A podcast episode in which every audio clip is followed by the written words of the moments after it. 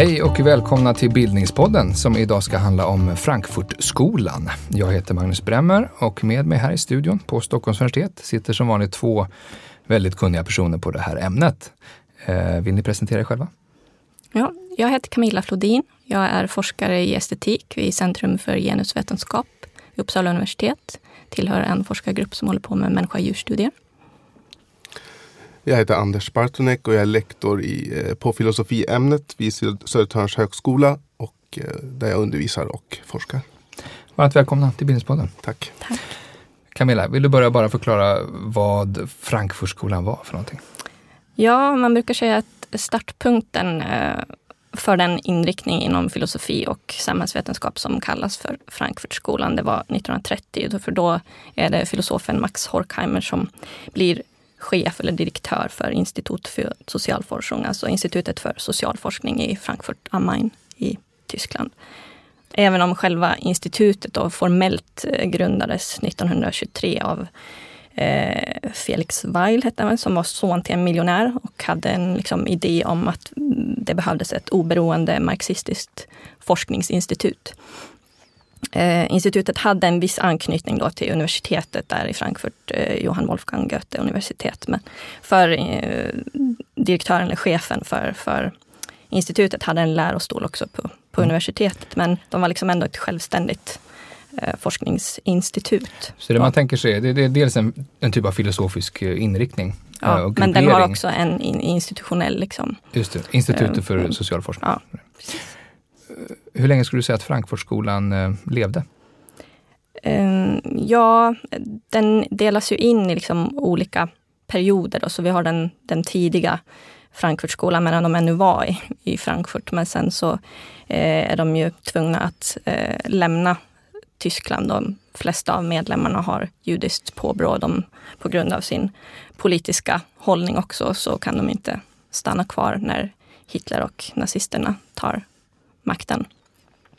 Eh, så då eh, flyttar man via eh, Genève och Paris och hamnar sen till slut i New York, vid Columbia University, där man liksom är under, under krigsåren.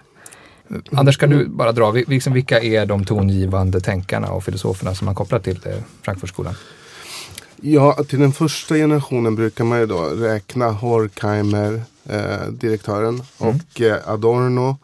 Eh, Theodor Adorno. Theodor Adorno, men också Herbert Marcuse var tidigt med. Eh, Leo Löwenthal, eh, Erich Fromm eh, och ett antal andra då. Men även Walter Benjamin som var aldrig helt formellt en del av institutet. Men ja, under lång tid Eh, en viktig inspirationskälla och fick också uppdrag av institutet att skriva texter och så mm. vidare. Mm. Skulle du, skulle du, eh, alltså alla är, är tyska här? Alla är tyskar. Mm. Är de, skulle du kalla dem filosofer? Nej, alltså eh, en av huvudidéerna med det här institutet var att det skulle vara ett, det man idag skulle kalla ett mångdisciplinärt institut eller ett interdisciplinärt institut. Där massa olika ämnen Precis. och discipliner samarbetar? Eh, så det var ju litteraturvetare, filosofer, sociologer, psykologer. Eh, med syfte och delvis att, eh, så att säga, övervinna den arbetsdelning som hade utvecklats inom akademin. För att just kunna utveckla en sorts helhetlig kritisk teori om samhället som helhet och inte bara vara fast i, i vissa enskilda mm. discipliner. Kritisk teori det är ett viktigt begrepp. Det man brukar kalla deras inriktning eller deras tänkande för kritisk teori. säg något mer om vad man lägger i det begreppet. Ja, ja, det kanske finns till att börja med två huvuddelar av det. Dels är det ju i marxistisk anda då en kritik av kapitalistiska samhället. Eh, men också till väldigt stor del en, en kritik av en sorts tanketradition, en modern tanketradition som löper, ja här finns det olika eh, texter om det, men eh, som börjar redan i antiken då. Så ett visst sätt att eh, tänka filosofiskt och vetenskapligt som man kritiserar och som man menar har lett fram till det här kapitalistiska eh, samhället. Mm. Vill du lägga till något där Camilla? Eh, nej, det, är, det, är en bra beskrivning alltså, och också att man uppfattar liksom eh, Horkheimer skrev en, eh, en essä 1937 om eh, traditionell och kritisk eh, teori. Och kritisk teori är liksom motsatsen till den traditionella. Då menar man borgerlig positivistisk teori som de tänker sig. Den, den syftar inte till någon förändring av, av samhället utan låser fast samhället genom att ge en beskrivning eh, så att det här tillståndet som råder liksom uppfattas som någonting naturgivet och därmed eh, oföränderligt. Och precis som, som Anders var inne på, så man vill eh, förändra eh, samhället. Det är liksom de kritiska teoretikerna som eh, deras eh, huvudsyfte. Och det är väl liksom, ganska tydligt en, en så marxistisk ja, idé på något sätt? Absolut.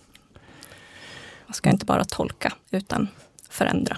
Okej, okay, så det är, både, det är både att man, eh, man får in en slags aktivistisk del i, i, inom filosofin men också att man tänker att börjar man närma sig tanken om liksom, strukturer, sociala konstruktioner och sånt i motsats till positivism, tänker jag, som är mer sanningsfundamentalistiskt kanske. Ja, det kan man väl säga. Att det är, det är ett sätt att um, både påvisa strukturer i, i, i den ekonomiska eh, samhälleliga realiteten men också hur den återspeglas i, eh, i människornas inre och i tänkandet, alltså in i psykologin. Så att säga. Därför mm. Freud mm. blir en viktig uh, inspirationskälla.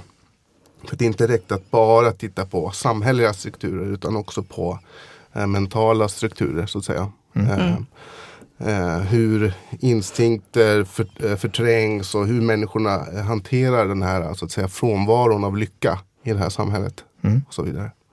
Mm. Ja, det är viktigt just att trycka på lycka. Alltså frihet och lycka, det är ju målet för, för samhällsutvecklingen. Men, men vi, har liksom in, vi är långt ifrån där. Och mm. varför är det så? De är ju intresserade av att utreda. Mm. Eh, hur, har det, hur kommer det sig att vi inte, trots liksom den här långa traditionen eh, av upplysningstänkande mm. tidigare och, och liksom, eh, en, en process av rationalisering. Hur kommer det sig att vi ändå inte har nått det här målet? Mm. Vad skulle ni säga är det mest banbrytande med Frankfurtskolan? Ja, en dimension är just det här som, eh, som idag kanske är mycket vanligare, men att inrätta det här mångdisciplinära eh, formen mm. av vetenskapligt samarbete är ju i sig ett, ett ganska nytt fenomen, mm. skulle jag säga. Väldigt populärt eh, just nu fortfarande. Idag är det populärt, men här hade vi en tydlig sån, som jag sa, alltså att eh, poängen var att försöka att inte hamna i enskilda disciplinära frågeställningar. Det vill säga till exempel att man som litteraturvetare bara då kan ställa en litteraturvetenskaplig fråga till samhället mm. eller en kritik att man tillsammans kan rikta en kritisk teori mot hela samhället som mm. totalitet. Mm. Liksom. Så det i sig är en, en, en banbrytande. Mm. Ja, det håller jag med om. Också just att man förstår den här hel, den samhälleliga helheten som motsägelsefull då. Och när man måste förstå den inifrån sin motsägelsefullhet. Och det innebär då att som kritisk teoretiker så har man själv ett väldigt komplicerat förhållande. För man är ju också inne i det här samhället som man uppfattar som falskt. Um, Skulle ni säga att den här uh, approachen gjorde dem mer intresserade av samtiden än vad kanske samtida tänkare var? Ja, jag tror att det är väsentligt för Frankfurtskolan att utveckla sin teori just som en kritik av uh, samtiden och de samhällsformerna som uh, ja, existerade. och just inte, men, men inte så att säga kopiera dem bara, upprepa. Det är inte det som är deras idé om sanning här utan att, att upprepa det bestående skulle i princip vara att upprepa det falska eh, samhällets mm. eh, natur. Så det handlar om hela tiden om att tänka utöver samtiden men alltid i relation till samtiden. Mm. Där har vi det kritiska momentet. Mm. mm. Mm. Och sen, det finns liksom inte någon värdeneutral beskrivning utan man, man har liksom eh, eftersom man befinner sig liksom inne i det här falska samhället så, eh, så har man den här väldigt svåra situationen som vi kommer att återkomma till mm. säkert. Mm. Hur, hur man liksom brottas med att på något vis ha både en, en, en kritik inifrån men ändå liksom ge en, hålla fast vid möjligheten till förändring ändå. Ehm, Mm. Nu tror jag vi har fått en, en grundförståelse för vilken typ av idéer som produceras i den här skolan. Eh, om vi pratar inspirationskällor då, lite bakgrund. Ni, både Marx och eh, Freud har nämnts här, två mm. stora tänkare får vi säga, moderna tänkare. Eh, går det att säga på något kortfattat sätt vad deras så här, tankesystem eh, gav till Frankfurtskolan eller vad Frankfurtskolan plockade från Marx och Freud? Ja, man, från Marx så hämtar man ju, som vi har varit inne på, kritiken av, av kapitalismen eh, och eh, men också viktigt att det inte är någon eh, ortodox marxism som man ägnar sig åt utan man, man kritiserar också eh, ortodoxa eh, tolkningar av honom som, som man tycker har gjort honom till någon stel systematiker. Så. Eh, utan det man tar, tar fasta på är liksom det att kapitalismen som, som eh, struktur som, som genomsyrar eh, samhället, den förhindrar människor att bli det som de har potential att bli mm. mänskliga. Alltså återigen den här um, utopiska inslaget finns ju i, i kritisk teori precis som, i, eh, som hos Marx. Um, och det som de också tar fasta på hos Marx är att um, hans målsättning med, med materialismen är så att säga materialismens upplösning. Alltså att vi ska få till stånd ett samhälle där människan inte längre är eh, blint beroende av de materiella villkoren utan eh, de materiella villkoren ska uppfyllas eh, för alla så att vi inte längre sku, skulle ha någon svält och fattigdom. Mm. Utan eh, där för, först i en sån värld är liksom frågan om frihet verkligen meningsfull. Mm. Vill du fylla in någonting om, om uh, Marx, Anders? Eller plocka upp Freud-bollen? Eh, ja, med, med Freud kompletteras, kompletteras väl det som kanske saknas hos Marx, alltså som vi också nämnde här innan, eh, så att säga den, den eh, eh, frågan om individernas så att säga, inre liv mm. och hur det eh, påverkas av de här samhällsstrukturerna. Så att säga. Vilket de är också inne eh, på i en, i en bok som de skrev i exil som är kanske en av de mest berömda böckerna som heter Upplysningens dialektik. Mm där de, Horkheimer och Adorno tillsammans undersöker hur den moderna subjektiviteten eh, kan sägas ha uppstått. Och då i, i exemplet Odysseus visar hur subjektivitet alltid är kopplad till en sorts förträngning av insti instinkter och, och, behov och så. Är det någon särskild passage i Odyssean? Eller? Ja, det är, när, ja, det är när Odysseus då åker förbi sirenerna. Mm. Eh, och Eh, de som ror, hans arbetare då så att säga som jobbar för honom får vax i öronen så de kan ro vidare. Men alltså Odysseus låter eh, binda sig vid masten. Eh, så att han kan så att säga njuta av sirenernas sång men inte kan ge sig hän mm. åt dem så att säga utan är fastbunden då. Men självbunden. Mm. Så att säga. Så det är i den meningen suverän. Han ger sig själv sina egna mm. lagar. Eh, men det här, den här självbehärskningen som subjektiviteten innebär mm. är någonting som sen också eh, är präglande för det moderna kapitalistiska samhället. Och där kommer Freud in som en sorts mm. teoribildning kring det. Hur fungerar det eh, hos individerna? Mm. Vill du lägga till någonting där? Nej, jag skulle vilja ta upp det här med naturbehärskningen också. Alltså mm. att det inte bara är den, den egna eh, inre naturen, alltså behov och begär, drifter så, som, som behärskas. Eh, vilket är eh, Odysseus-exemplet eh, mm. illustrerar. Eh, utan också den yttre, eh, icke-mänskliga naturen. Så att då, det är liksom en eh, någonting som, som sker samtidigt. Eh, så att mm och det, det är det som är så um, viktigt med, um, med upplysningens dialektik. Liksom den, den, den förståelsen just hur um, naturbehärskningen är så central för, men också så uh, förödande i, mm. i längden. Men alltså behärska sig själv, fattar man som grundläggande koncept. Du menar naturen behärskar subjekten och individerna på något sätt? Ja, alltså de tänker sig att för, för att ta sig ur liksom, det omedelbara naturtvånget eh, i, i begynnelsen av när de liksom mm. rekonstruerar någon slags, som, som Anders sa, subjektivitetens urhistoria. Mm. Så den är liksom sammantvinnad med ett, ett utträde ur, ur naturen, ur den, det, alltså vi, civilisationens ja, fram, framväxt eh, och här är ju också eh, Freud viktig för ja. han, hans eh, kritik av, av liksom, civilisationens framväxt. Vi vantrivs i kulturen. Ja, det.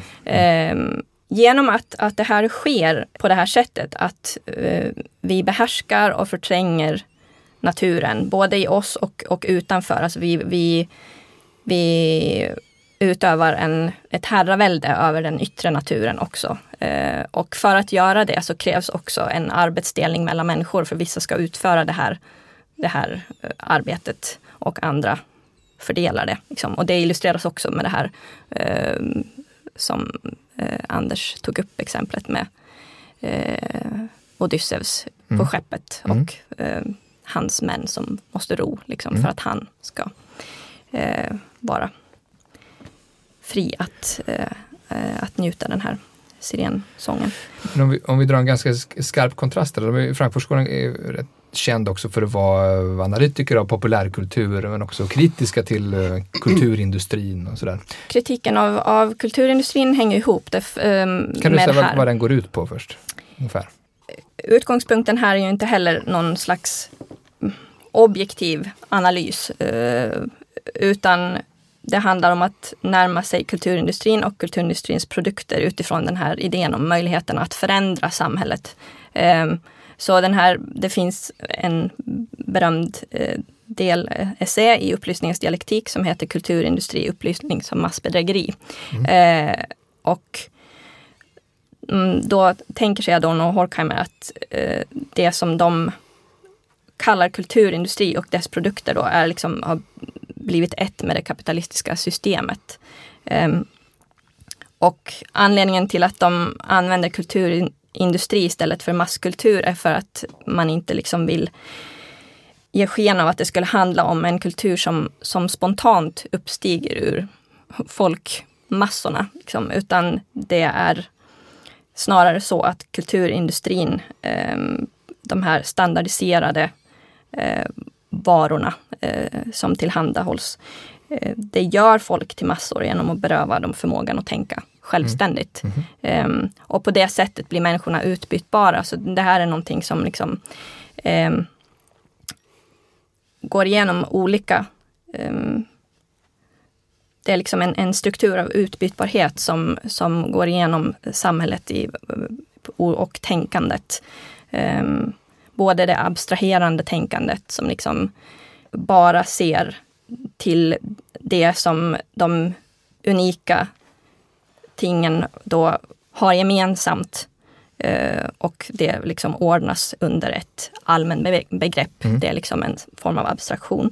Det sker också en abstraktion i, eh, i och med det kapitalistiska systemet där varor med olika eh, bruksvärde, eh, helt olika egenskaper görs utbytbara genom att de får ett bytesvärde, liksom ett, eh, ett pengavärde som gör att man kan liksom byta dem mot varandra som om de var helt lika på, mm. på det sättet. Att man mm. inte liksom ger akt på det unika i, i tingen. Så och i kritik av, eh, sätt, av kulturindustrin finns en hel del kapitalistkritik också? Absolut, för att här är liksom eh, ett system eh, som består av olika branscher som liksom från ett fåtal tillverkningsorter producerar någon form av kulturella standardvaror då, mm. eh, för en utspridd reception. Mm. Och eh, det här är någonting som är karaktäristiskt för den form av kapitalism som, eh, som Adorno Horkheim menar kännetecknar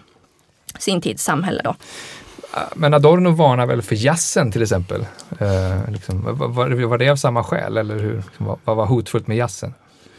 Ja, han varnar väl inte direkt kanske. Jag vet inte om han såg det som ett hot heller. Men han analyserar ju olika typer av eh, eh musik. Just ifrån det här kriteriet att det ska kunna vara musik som pekar utöver det rådande samhället och inte bara eh, bejakar de härskande principerna i det. Och eh, i det sammanhanget då, främst är det klass, klassisk musik som han, som han eh, eh, skriver om. Eh, och det här är en väldigt stor del av hans verk mm. som handlar om musik. En, nästan halva hans mm. verk. Eh, men eh, i jazzen såg han då en, en musikform som ger sken om en sorts emancipatorisk möjlighet. Men där han istället pekar på då att att varken musiken egentligen har det här nyskapande elementet och inte heller den rörelse kring det. Så att han, han skulle inget, eh, inte vilja något hellre än att, än att gästen skulle ha de här möjligheterna. Mm, att men, eh, frigöra. precis, men skenfrigörelse är någonting som så att säga måste verkligen eh, motarbeta. Mm. Man är inte hjälpt av skenbar frigörelse. Är det, det känns som en väldigt bra slogan för, för kritik av kulturindustrin. Är det det liksom det handlar om? Att det ger sken av frigörelse och drömmar som det egentligen inte realiserar? Ja, men det är inte bara kulturindustrin utan också till exempel eh, en kompositör som Igor Stravinsky som Adorno var väldigt kritisk till. Därför mm. att han menar att i i Stravinskys musik, han försöker liksom att gå tillbaka till, till tidigare former eh, av musik. Och, och, eh, som, som går tillbaka på till exempel dans. Och som om det var liksom möjligt att gå tillbaka till ett tillstånd innan eh, den här naturbehärskningen och alienationen som människor eh, befinner sig i, både från, från samhället och från den eh, yttre naturen. Liksom. Så att det är också liksom, en falsk frigörelse. Mm. Att tro att man kan gå tillbaka till någonting tidigare för att liksom hitta någon nyckel eh, till emancipation. Mm. Det här institutet för social forskning, kanske ska säga något mer om det? Alltså vad, eh, vad, vad var det för typ av miljö Ja, själva institutet som sagt grundades då formellt 1923 och det hade en anknytning till universitetet i, i Frankfurt. Eh, men det är då i och med Horkheimers tillträde som, som direktör 1930 som det eh, som vi känner som Frankfurtskolan mm. som eh, tar form. Och han höll ett installationstal som, som eh, han återknöt till själv när de efter att de hade varit i, i exil under andra världskriget återvände till, till Frankfurt mm. 1950. Eh, där han förklarar liksom eh, det här med socialforskning. Eh, som, alltså som begrepp? Som, som begrepp. Mm. Som är liksom någon slags, ja nästan som ett eh, manifest. Och vi har ju varit inne eh, på det här med att det handlar om att förstå samhällets ekonomiska liv i relation till individernas psykiska utveckling och också förändringar i kulturens sfär. Och till den kulturella sfären hör ju vetenskap, konst, religion, även lagar, eh, fritidsaktiviteter och sånt. Men institutet väldigt... bildades och begreppet då myntades tio år före ni satte startpunkten för Frankfurtskolan. Men det är, så att säga, det är, det är någonstans där när institutet bildas som den här liksom, strömningen börjar ta form ändå. F liksom fyllde man socialforskningsbegreppet efterhand? Ja, just socialforskningsbegreppet var väl starkast kanske i början och eh, under tiden i USA. Eh, sen efter det så mm. ägnar sig väl Adorno så främst åt teoretiska arbeten. Mm. Men i, idag eh, så eh, är ju, eh, ägnar sig institutet, det lever ju fortfarande, eller mm. det finns ju kvar. Eh, också åt så att säga, socialfilosofiska teman också ibland med, med empiriska inslag. Men vad gäller eh, titlarna kritisk teori och Frankfurtskolan så brukar man säga att kritisk teoribegreppet kommer av den, det föredraget som eh, Camilla nämnde 1931 tror jag. kanske? Ehm, 37 var det här med kritisk och Okej, var det 37? eh, Ehm, traditionell. Men det här mm. Ja, installationstalet just det. föregriper liksom. Ja, där han, där han nämner begreppet kritisk teori. Mm. Men begreppet Frankfurtskolan det är något som, så att säga, som kommer utifrån som Mm. kommer när de blir väldigt berömda sen under Mm. eh, 50 och mest på 60-talet. Så. Liksom Och själv- gänget från Frankfurt. Mm. Precis, och Adorno säger sig ha varit stolt över det och använt Ja, det själv också. Och sådär. precis. Eh, Fast Mm. det är inte de som har eh, hittat på det. Nej, Mm. just det. Hur, eh, som ni nämnde, institutet, eh, hela det här gänget tvingas ju fly eh, i samband med ja, förintelsen, andra världskriget. Hur, hur påverkade det där, påverkade det deras analyser och tänkande på något sätt? Eller mm, på andra sätt än de uppenbara att de måste att byta miljö? Ehm, det tror jag. Dels så kan man väl säga att erfarenheterna i USA, som jag Adorno skriver en del om också efteråt, framstår som att de får uppleva kulturindustrin i en ännu mer framskriden form. Mm. Så det är en sida av det. Sen är ju, är ju frågan om exil i sig också en, en fråga därför att jag tänker mig att eh, de också egentligen redan eh, i Tyskland ser sig själva som teoretiker som, som är lite outsiders. Mm. Eller som försöker utveckla en kritisk blick som just inte är helt uppslukad av eh, de givna samhällsstrukturerna. Så i den meningen ligger redan, det ligger som en idé, som en latent idé att vara, en, vara i exil. Mm. Sen är de också i exil. Ehm, och så. Och sen kommer de tillbaka då, och det är först då de blir berömda. Eh, I USA? så, nej, i Tyskland efteråt. Efter när de kommer tillbaka Mm. är det då den storhetstiden egentligen Mm. eh, inträder. Det är från 50 och framåt ungefär. Ja, Mm. främst under 60-talet då. Men visst, de kommer ju i början av 50-talet. Men det är ju inte alla som kommer tillbaks heller. Det är Adorno, Horkheimer eh, och eh, Friedrich Pollock var nationalekonomen. Som Marcuse stannar ju i USA. Eller hur?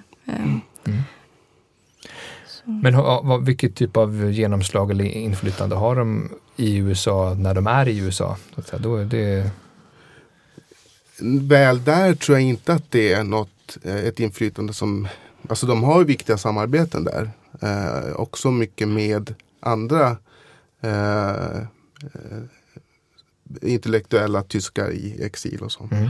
Eh, Men det stora genombrottet sker ju först på, i Tyskland igen och Mm. parallellt för Marcuse i USA då.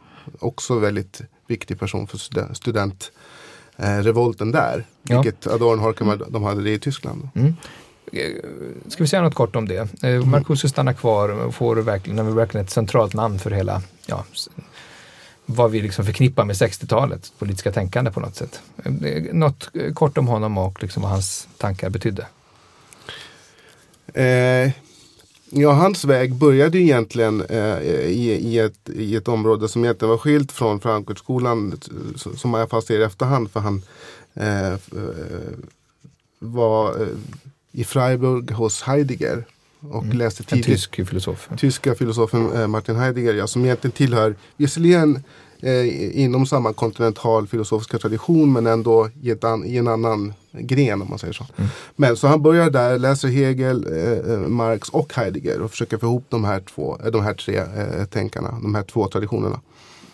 Men sen under eh, på 60-talet då så utvecklar han sin idé om den endimensionella människan. Eh, Mm. Ehm, om ett samhälle som, är, som är endimensionellt och därmed också eh, tappar förmågan att tänka utöver det givna. För att, för att, vara, eh, för att kunna tänka en motbild till det rådande samhället så måste man erövra någon typ av tvådimensionalitet. Eh, annars blir det helt fast i Mm. det här så att säga, kapitalistiska samhället.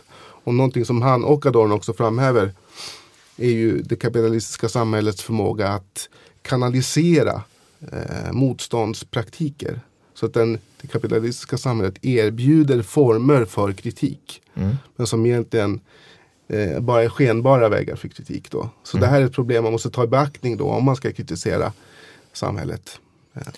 Men eh, utifrån det, vad, vad, vad, vad, mer lägger han i, i idén om det tvådimensionella kontra det endimensionella?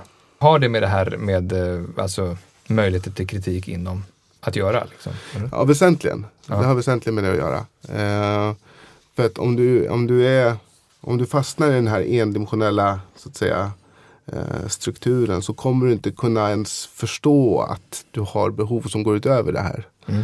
Eh, men också för, alltså det är det som är frågan om negativitet. Alltså att man måste kunna, alltså vilka möjligheter har tänkandet att utveckla negativa, inte som värdering utan som eh, eh, motbilder eh, till det rådande samhället. Eh, och eh, erövrar man väl den förmågan så, så eh, har den här tvådimensionaliteten så att säga också i någon mening eh, erövrats. Hänger det ihop med hela den här kritiken av att eh, en viss samhällsform och, och, och kapitalismen och liberalismen marknadsför en liksom, individuell frihet och så som man inte liksom, kan erbjuda? Är det liksom del av samma typ av kritik eller gör Marcuse någonting, vad, tillför Marcuse? Han ingår i den traditionen och de utvecklar det här också till, eh, parallellt. Mm. Den här teorin om eh, eh, frå, Frågan är hur ska man kunna eh, hitta former för en kritik av ett kapitalistiskt samhälle som ju just eh, frambringar individen som någon sorts eh, kritisk plattform. Men egentligen inte är det kanske. För den här e- endimensionella människan blev väl verkligen en sån här bok som, var man studentrevoltör så, så hade man den. Ja, man skulle gärna ha en också i kavajfickan så att det, så man syntes, så det syntes vad det stod. Ja. Vad var för bok. Är det, är det den och Mausleda röda eller liksom? Ja, kanske det. Kanske. Okej, men vi, eh, man förstår att Frankfurtskolan är, är, är en väldigt stark tankeströmning men också med många eh, individuella skillnader mellan tänkare. Så. Eh, om vi skulle fokusera på den tänkare som är Adorno, som ni båda forskat om. Vad, kan man säga att han ses som den ledande tänkaren? Tillsammans med Horkheimer kanske? Eller? Ja, och framförallt sen när, när de kom tillbaks från USA så blev ju han otroligt framträdande för Frankfurtskolan då. eh, 50 och 60-talet. Han blev affischnamnet också lite grann. Mm. Jo, och han hade en, en framträdande roll som samhällsdebattör, liksom intellektuell som, eh, som deltog i samhällsdebatten. Och Mm. präglade den också i, i hög utsträckning. Men Sen kan man väl tillägga att eh, på, på 80-talet sen, eh, en bra, ganska länge efter att Adorno hade dött så var det ju Habermas som egentligen tog över som den dominerande tänkaren i, inom den här eh, ja, traditionen. Så Just det, Jürgen Habermas. Jürgen eh, Habermas, socialfilosof, eh, som var Adornos assistent och som räknas till den kanske främsta för, eh, för, företrädaren av den andra generationen. Ja. Så i efterhand så är, kanske man kan säga att då bländas Adorno ut eh, under en viss tid i diskussionen och Habermas tar ju över och blir väldigt berömd. Inte bara inom Frankfurtskolan utan i hela socialfilosofiska fältet blir han ju en dominerande figur. Känd för sina tankar om borgerlig offentlighet och sådana saker. Precis. Och det är först den senaste årtionden som den här diskussionen igen varit levande huruvida vad förlorade man när, i och med att Habermas tog över? Till exempel, vad förlorades när Adorno inte längre var eh, antogs lika viktig och så. Så nu har ju Adorno kommit tillbaka. Ja, okej. eh, sista. Ja. Mm, för Habermas var också väldigt kritisk till, till Adorno sen efter, efter Adornos eh, död och på ja, å- 80-talet är hans kritik av framförallt upplysningens dialektik som att den, den skulle vara liksom en, en eh, fullständig eh, mm, liksom, mm, kritik av förnuftet i den meningen att det liksom inte fanns något utrymme egentligen varifrån man kunde eh, rikta den här kritiken så att de liksom motsade sig själva. Har, den kritiken av det verket fick ju väldigt stort eh, genomslag. Eh, Var det där. kritik som eh, Frankfurtskolan eller Adorno och Horkheim hade fått redan tidigare utifrån? Eller var det något som Habermas kom med? Det, nej, det, det antas väl att det är Habermas som har myntat den kritiken. Ja. Eh, och även som adornit så kan man väl säga att det finns en viss Är det det ni är? Ni är adorniter? eh, finns det en viss rimlighet i den kritiken. Ja. Eh, och jag tycker att Adorno också i, eh, kan sägas försöka förhålla sig till den kritiken i sitt senare, senare verk. Även om Habermas uttryckliga kritik kommer senare. Okej. Men om vi, eh, vi fokuserar på Adorno, vad, vad, vad hade han för bakgrund? Eh, Ja, han, var, han föddes 1903 eh, i Frankfurt och han var enda barnet i en eh, övre medelklassfamilj eh, familj. Um, hans pappa var assimilerad judisk bakgrund och han hade ett vinimportföretag. Alltså de var liksom välbärgade. Och, hans eh, mamma var, var eh, korsikansk katolik. Hon var också mycket mm, duktig musiker så han hade liksom med sig den här musiken mm. ända från början. Eh, mammas syster var också väldigt nära familjen och hon var också en begåvad musiker. Så han eh, har verkligen eh, det eh, med sig. Mm. sen studerar han eh, filosofi i Frankfurt och träffar Horkheimer redan som student då. Eh, Horkheimer hade eh, studerat under samma filosof, en ny kantian som hette Hans Cornelius. Eh, och när Adorno träffar honom, Horkheimer är lite äldre, så, så var Horkheimer Cornelius assistent. Då. Ehm. Vad får du Horkheimer och Adorno för förhållande då? De blir liksom vänner eller inte någon handledare, mentor? Nej, det är nog mer av en, alltså Adorno är otroligt begåvad. Inte bara musikaliskt utan också liksom väldigt in, begåvad i, student i, i, i, filosofi. Han läser psykologi, sociologi också och han, han har en, ett väldigt självförtroende. Så, så att jag tror inte att det var mm. eh, någon slags eh, så elev-lärarförhållande som, som de hade även om Horkheimer var lite äldre. Utan de hade nog mer liksom, eh, jämlikt utbyte eh, mm. av idéer och så. Båda eh, påverkade varandra. Så. Var, hur, hur hamnade han på Institutet för socialforskning senare?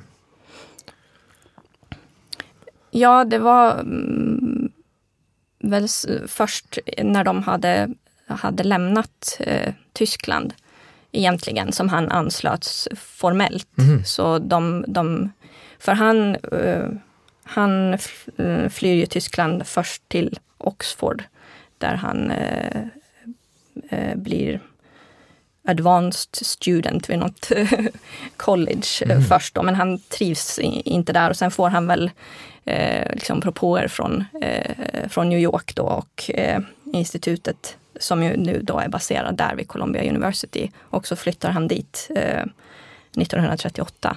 Okej, okay, så ja. han, han flyr inte med institutet man ska säga, utan han ansluter? Nej, de andra mm. är redan där och så ansluter han. Och den här eh, liksom, schismen som uppstår eh, när han kommer, kommer dit var väl till, med eh, Erich Fromm som vi nämnde i början, mm. som då slutar eh, när Adorno mm. liksom, mm kommer med för att de hade mm. oenigheter liksom, mellan sig. Adorno framställs väl, om jag har rätt nu, som ibland har fått kritik för någon form av världsfrånvändhet och eh, sådär. Både Adorno och Horkheimer väl. Samtidigt som de uppenbarligen har levt ett liv som har haft stora politiska påverkningar och Frankfurtskolan i sig en politisk. Vad, vad skulle ni placera Adorno i den där, eh, den där kalkylen? Eh, det här berör väl på många sätt frågan om te teori och praxis. Där han ofta har förebrått att han eh, inte har trott på möjligheten till politisk praxis. Eh, för att världsfrånvänd tror jag är, är missvisande därför att han ägnade hela sitt liv åt att eh, eh, analysera och tyda samhällets olika aspekter inom, inom de områdena som han jobbade i. Eh, men han vägrade göra sin teori så att säga kompatibel med samhället. Mm. Så att han, han, han vägrade så att säga göra det som vi idag kallar konstruktiv kritik. Mm. Eh, vilket man kan säga att Habermas sen gör. Så det är en möjlig skillnad mellan, mellan eh, de två. Är det att man ska kunna eh, använda teorierna i det praktiska livet på något sätt? Eller? Precis, mm. men att, om man skulle kunna använda Adornos teori i det falska samhället så mm. skulle Adorno eh, säga att han har misslyckats. Ah, okay. ja. Mm. så, så i den meningen blir han ju världsfrånvänd fast han ju är, är vän till den i kritisk mening. Mm. Men han är, teori behöver också vara så att säga i någon mening eh, inte stå utanför men att skapa en kritisk distans till det. Mm. Sen han är ingen aktivistisk tänkare? Nej, men, och, och om man kommer till frågan om praxis då så var han ju först eh, eh, så att säga en viktig inspiratör för studentrörelsen då från 68 och, och 69. Där. Han dör ju 69. Mm. Eh, på, på vilket sätt var han det? Inspiratör? Ja, genom de teorierna som han utvecklade mm. och eh, den kritiken av, av samhället som han utvecklade och hade gjort under lång tid. Då, så blev han ju aktuell då när, när studentrörelsen uppstår 68.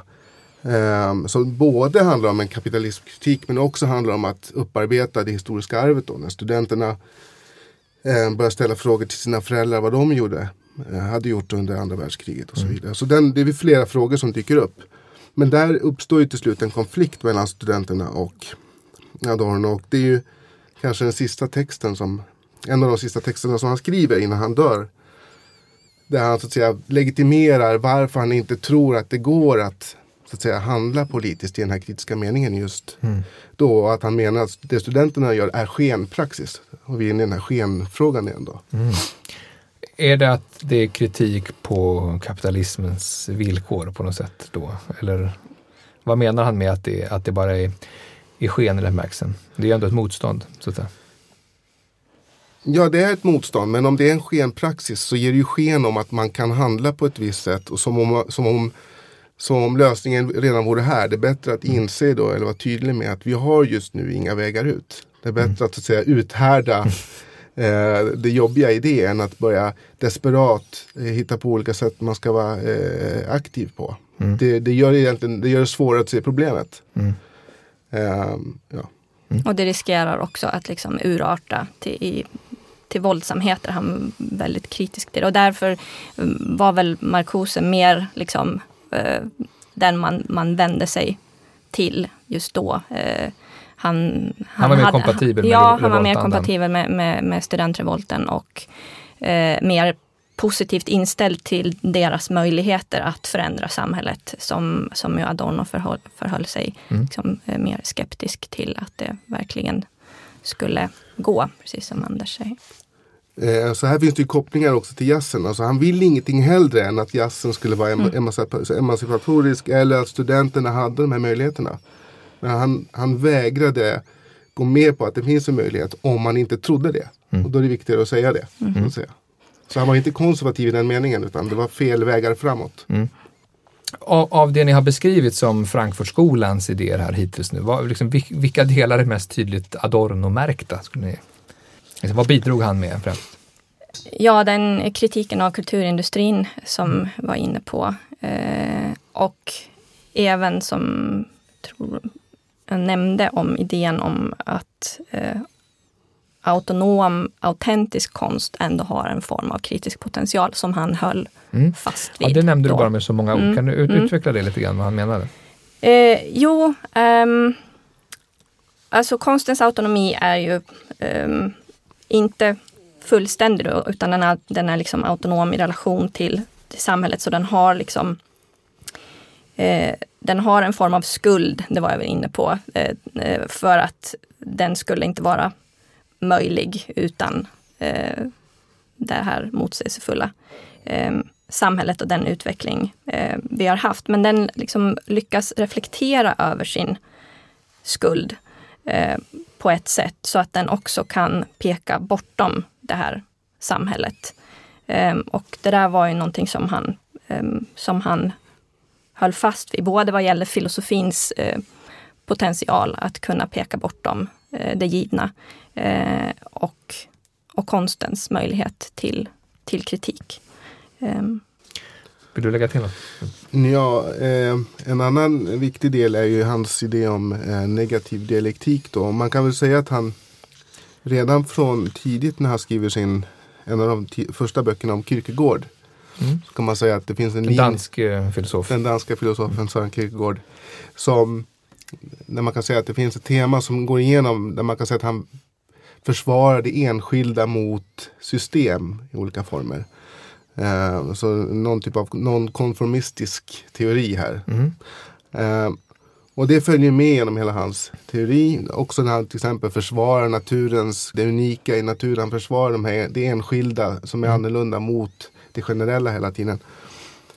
Och där han då utvecklar eh, en, en i relation till Hegel då, som ju är en, den tyska filosofen Hegel som mm. eh, utvecklade en positiv dialektik, alltså en sorts systembyggande eh, dialektik Eh, där Adorno eh, där Adorno menade att i den här dialektiken går allt enskilt under bara som exempel av det här allmänna mm. begreppet.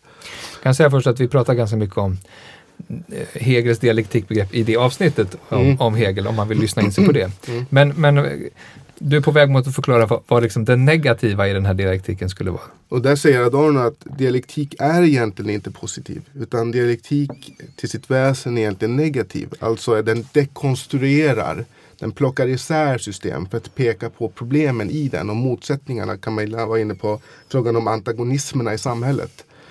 Så hans metod är negativ för den vill peka på varför system inte är totala eller mm. inte kan täcka alla individer och så vidare. Ja. En, annan, en av de saker som är den kanske mest flitigt citerade Adorno-sägningen och kanske också felciterade är att han skulle ha sagt att det, det blivit omöjligt att skriva poesi efter Auschwitz. Vill ni kommentera det och säga liksom, vad var det han sa och menade egentligen? Eh, han sa väl ungefär så, mm. eller skrev ungefär så. Men vi har väl varit inne på det problemet tänker jag också med Skriver han inte att det är barbariskt att skriva poesi? Det kanske han gör. Det kanske inte han att det skulle vara omöjligt, men att det är barbariskt. Ja, att skriva en dikt efter Auschwitz är barbariskt. Ja, så skriver precis, han. Okay. i kulturkritik och samhälle. Och det här var ungefär? Eh, 1955 publicerades den i alla fall, men den är skriven några år innan tror jag. Men den publicerades i, i eh, en samling som heter Prismen. Mm. Okej, okay, och vad, eh, vad, vad är kontentan av, av, det, av det han vill säga där? Delvis hänger det samman med det som Camilla sa också om Stravinsky och vi pratade om, om eh, kanske jazzen också. att man, man kan inte eh, så att säga jobba med konst som om man levde i en lycklig värld. Mm.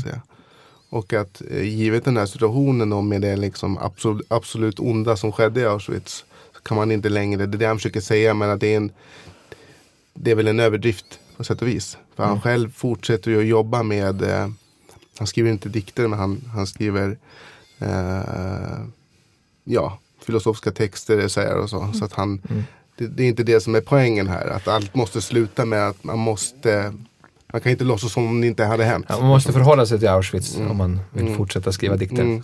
Mm. mm. mm. Och han modifierar ju det här också, eh, det här yttrandet sen i negativ dialektik. Eh, där han ju um, tar upp att eh, det eviga lidandet har lika mycket rätt till uttryck som den torterade eh, att skrika. Därför kan det var falskt att ingen dikt längre låter sig skrivas efter Auschwitz, eh, skriver han där.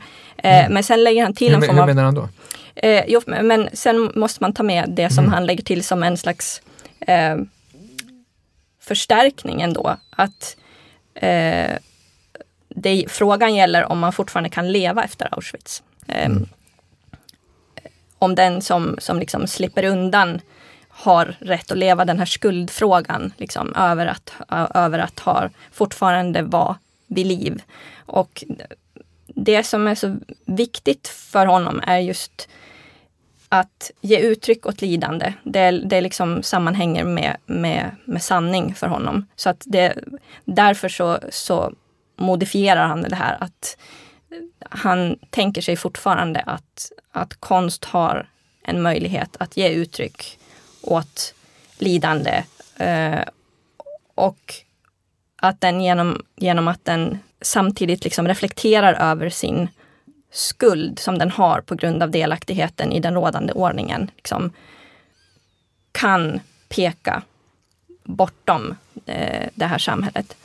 Men precis som Anders är inne på, alltså, eh, poesi och konst efter Auschwitz kan inte se ut som poesi eh, före Auschwitz. Alltså mm. det här är någonting som man måste förhålla sig till. Ja, inte bara inom, inom konsten utan även inom, inom filosofin. För han menar ju också att, eh, att eh, Hitler kommer att påtvinga eh, människorna eh, ett nytt kategoriskt imperativ. Mm. Alltså att inrätta sitt handlande och tänkande så att Auschwitz inte upprepas, att inget liknande ska ske. Mm. Och det här är ett imperativ som som inte heller kan behandlas liksom egentligen eh, kan vi inte närma oss det begreppsligt utan vi känner det liksom kroppsligen, en mm. avsky inför den här mm. eh, outhärdliga smärtan. Men om man säger att en sån som Så. Walter Benjamin då uh, skulle vara var mer inne på att konsten måste politiseras vid ett visst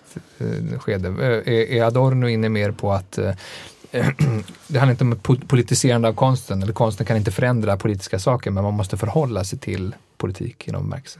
Är det, är det en rättvis översättning? Det är det väl inte riktigt.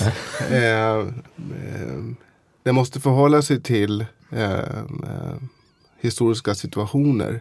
Men sen är han ju försiktig med exakt hur stor påverkan konst har. Han säger mm. någonstans att konsten är det löfte som alltid bryts. Mm. Eller löftet om lycka, lycka som alltid mm. bryts. Mm. Det tror jag är en negativ, eh, över, alltså att överdriva det negativt där. Jag tror att han egentligen hoppas på mer än det. Men han är ju återigen som med, med politisk praxis väldigt försiktig med vilka möjligheter som kanske finns. Men mm. han har, ger ju konsten en väldigt stark politisk betydelse. Mm. Sen läser han inte in den här politiska betydelsen i så att säga det populär eh, kulturella fältet som kanske Benjamin gjorde mer. Mm. Så att säga. Där sa Adorno nej. Det finns kanske inte där. Men Benjamin var mycket mer intresserad av mode, fotografi och mm. nya fenomen som han, där han också tyckte han kunde hitta den här potentialen. Mm. Efter andra världskriget så försökte uh, Adorno var inne på att kunna diagnostisera fascister utifrån en slags skala. Eller hur, vad var det där för någonting? Eh, ja, han ingick i en forskningsgrupp då i, i, eh, i, USA som höll på med något som kallades Studies on Prejudice. Mm.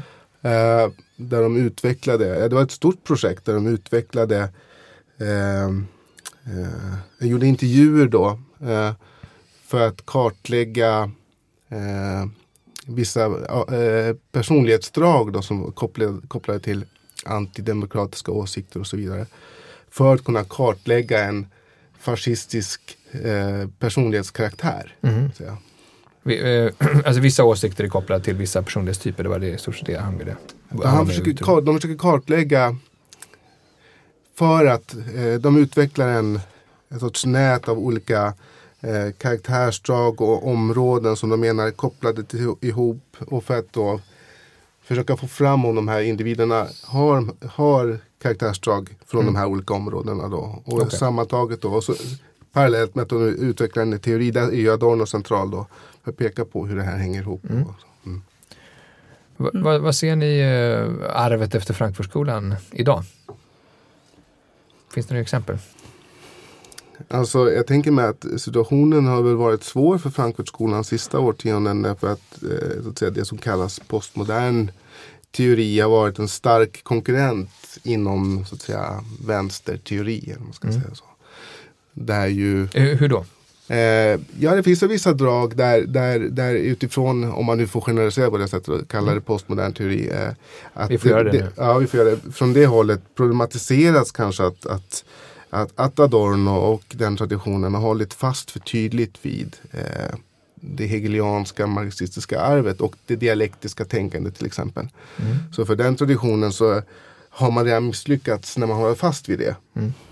Att man måste eh, dra tydligare streck så att säga och eh, förkasta hela traditionen. Så i den meningen är egentligen den postmoderna traditionen mycket starkare idag i det här mm. vänsterteoretiska fältet. Mm. Så där får, som jag ser det, eh, Frankfurtskolan eh, får kämpa ganska mycket nu för att, mm. så att säga, överleva det här. Varmt tack Camilla Flodin, Anders Bartnek för att ni vill vara med i Bildningspodden. Tack så mycket. Tack. Tack alla ni som har lyssnat. Vi är tillbaka igen om en vecka med ett nytt avsnitt. Hej så länge. Du har lyssnat på Bildningspodden, en podcast från humanistiska fakulteten vid Stockholms universitet. Producerad av Magnus Bremmer och Claes Ekman.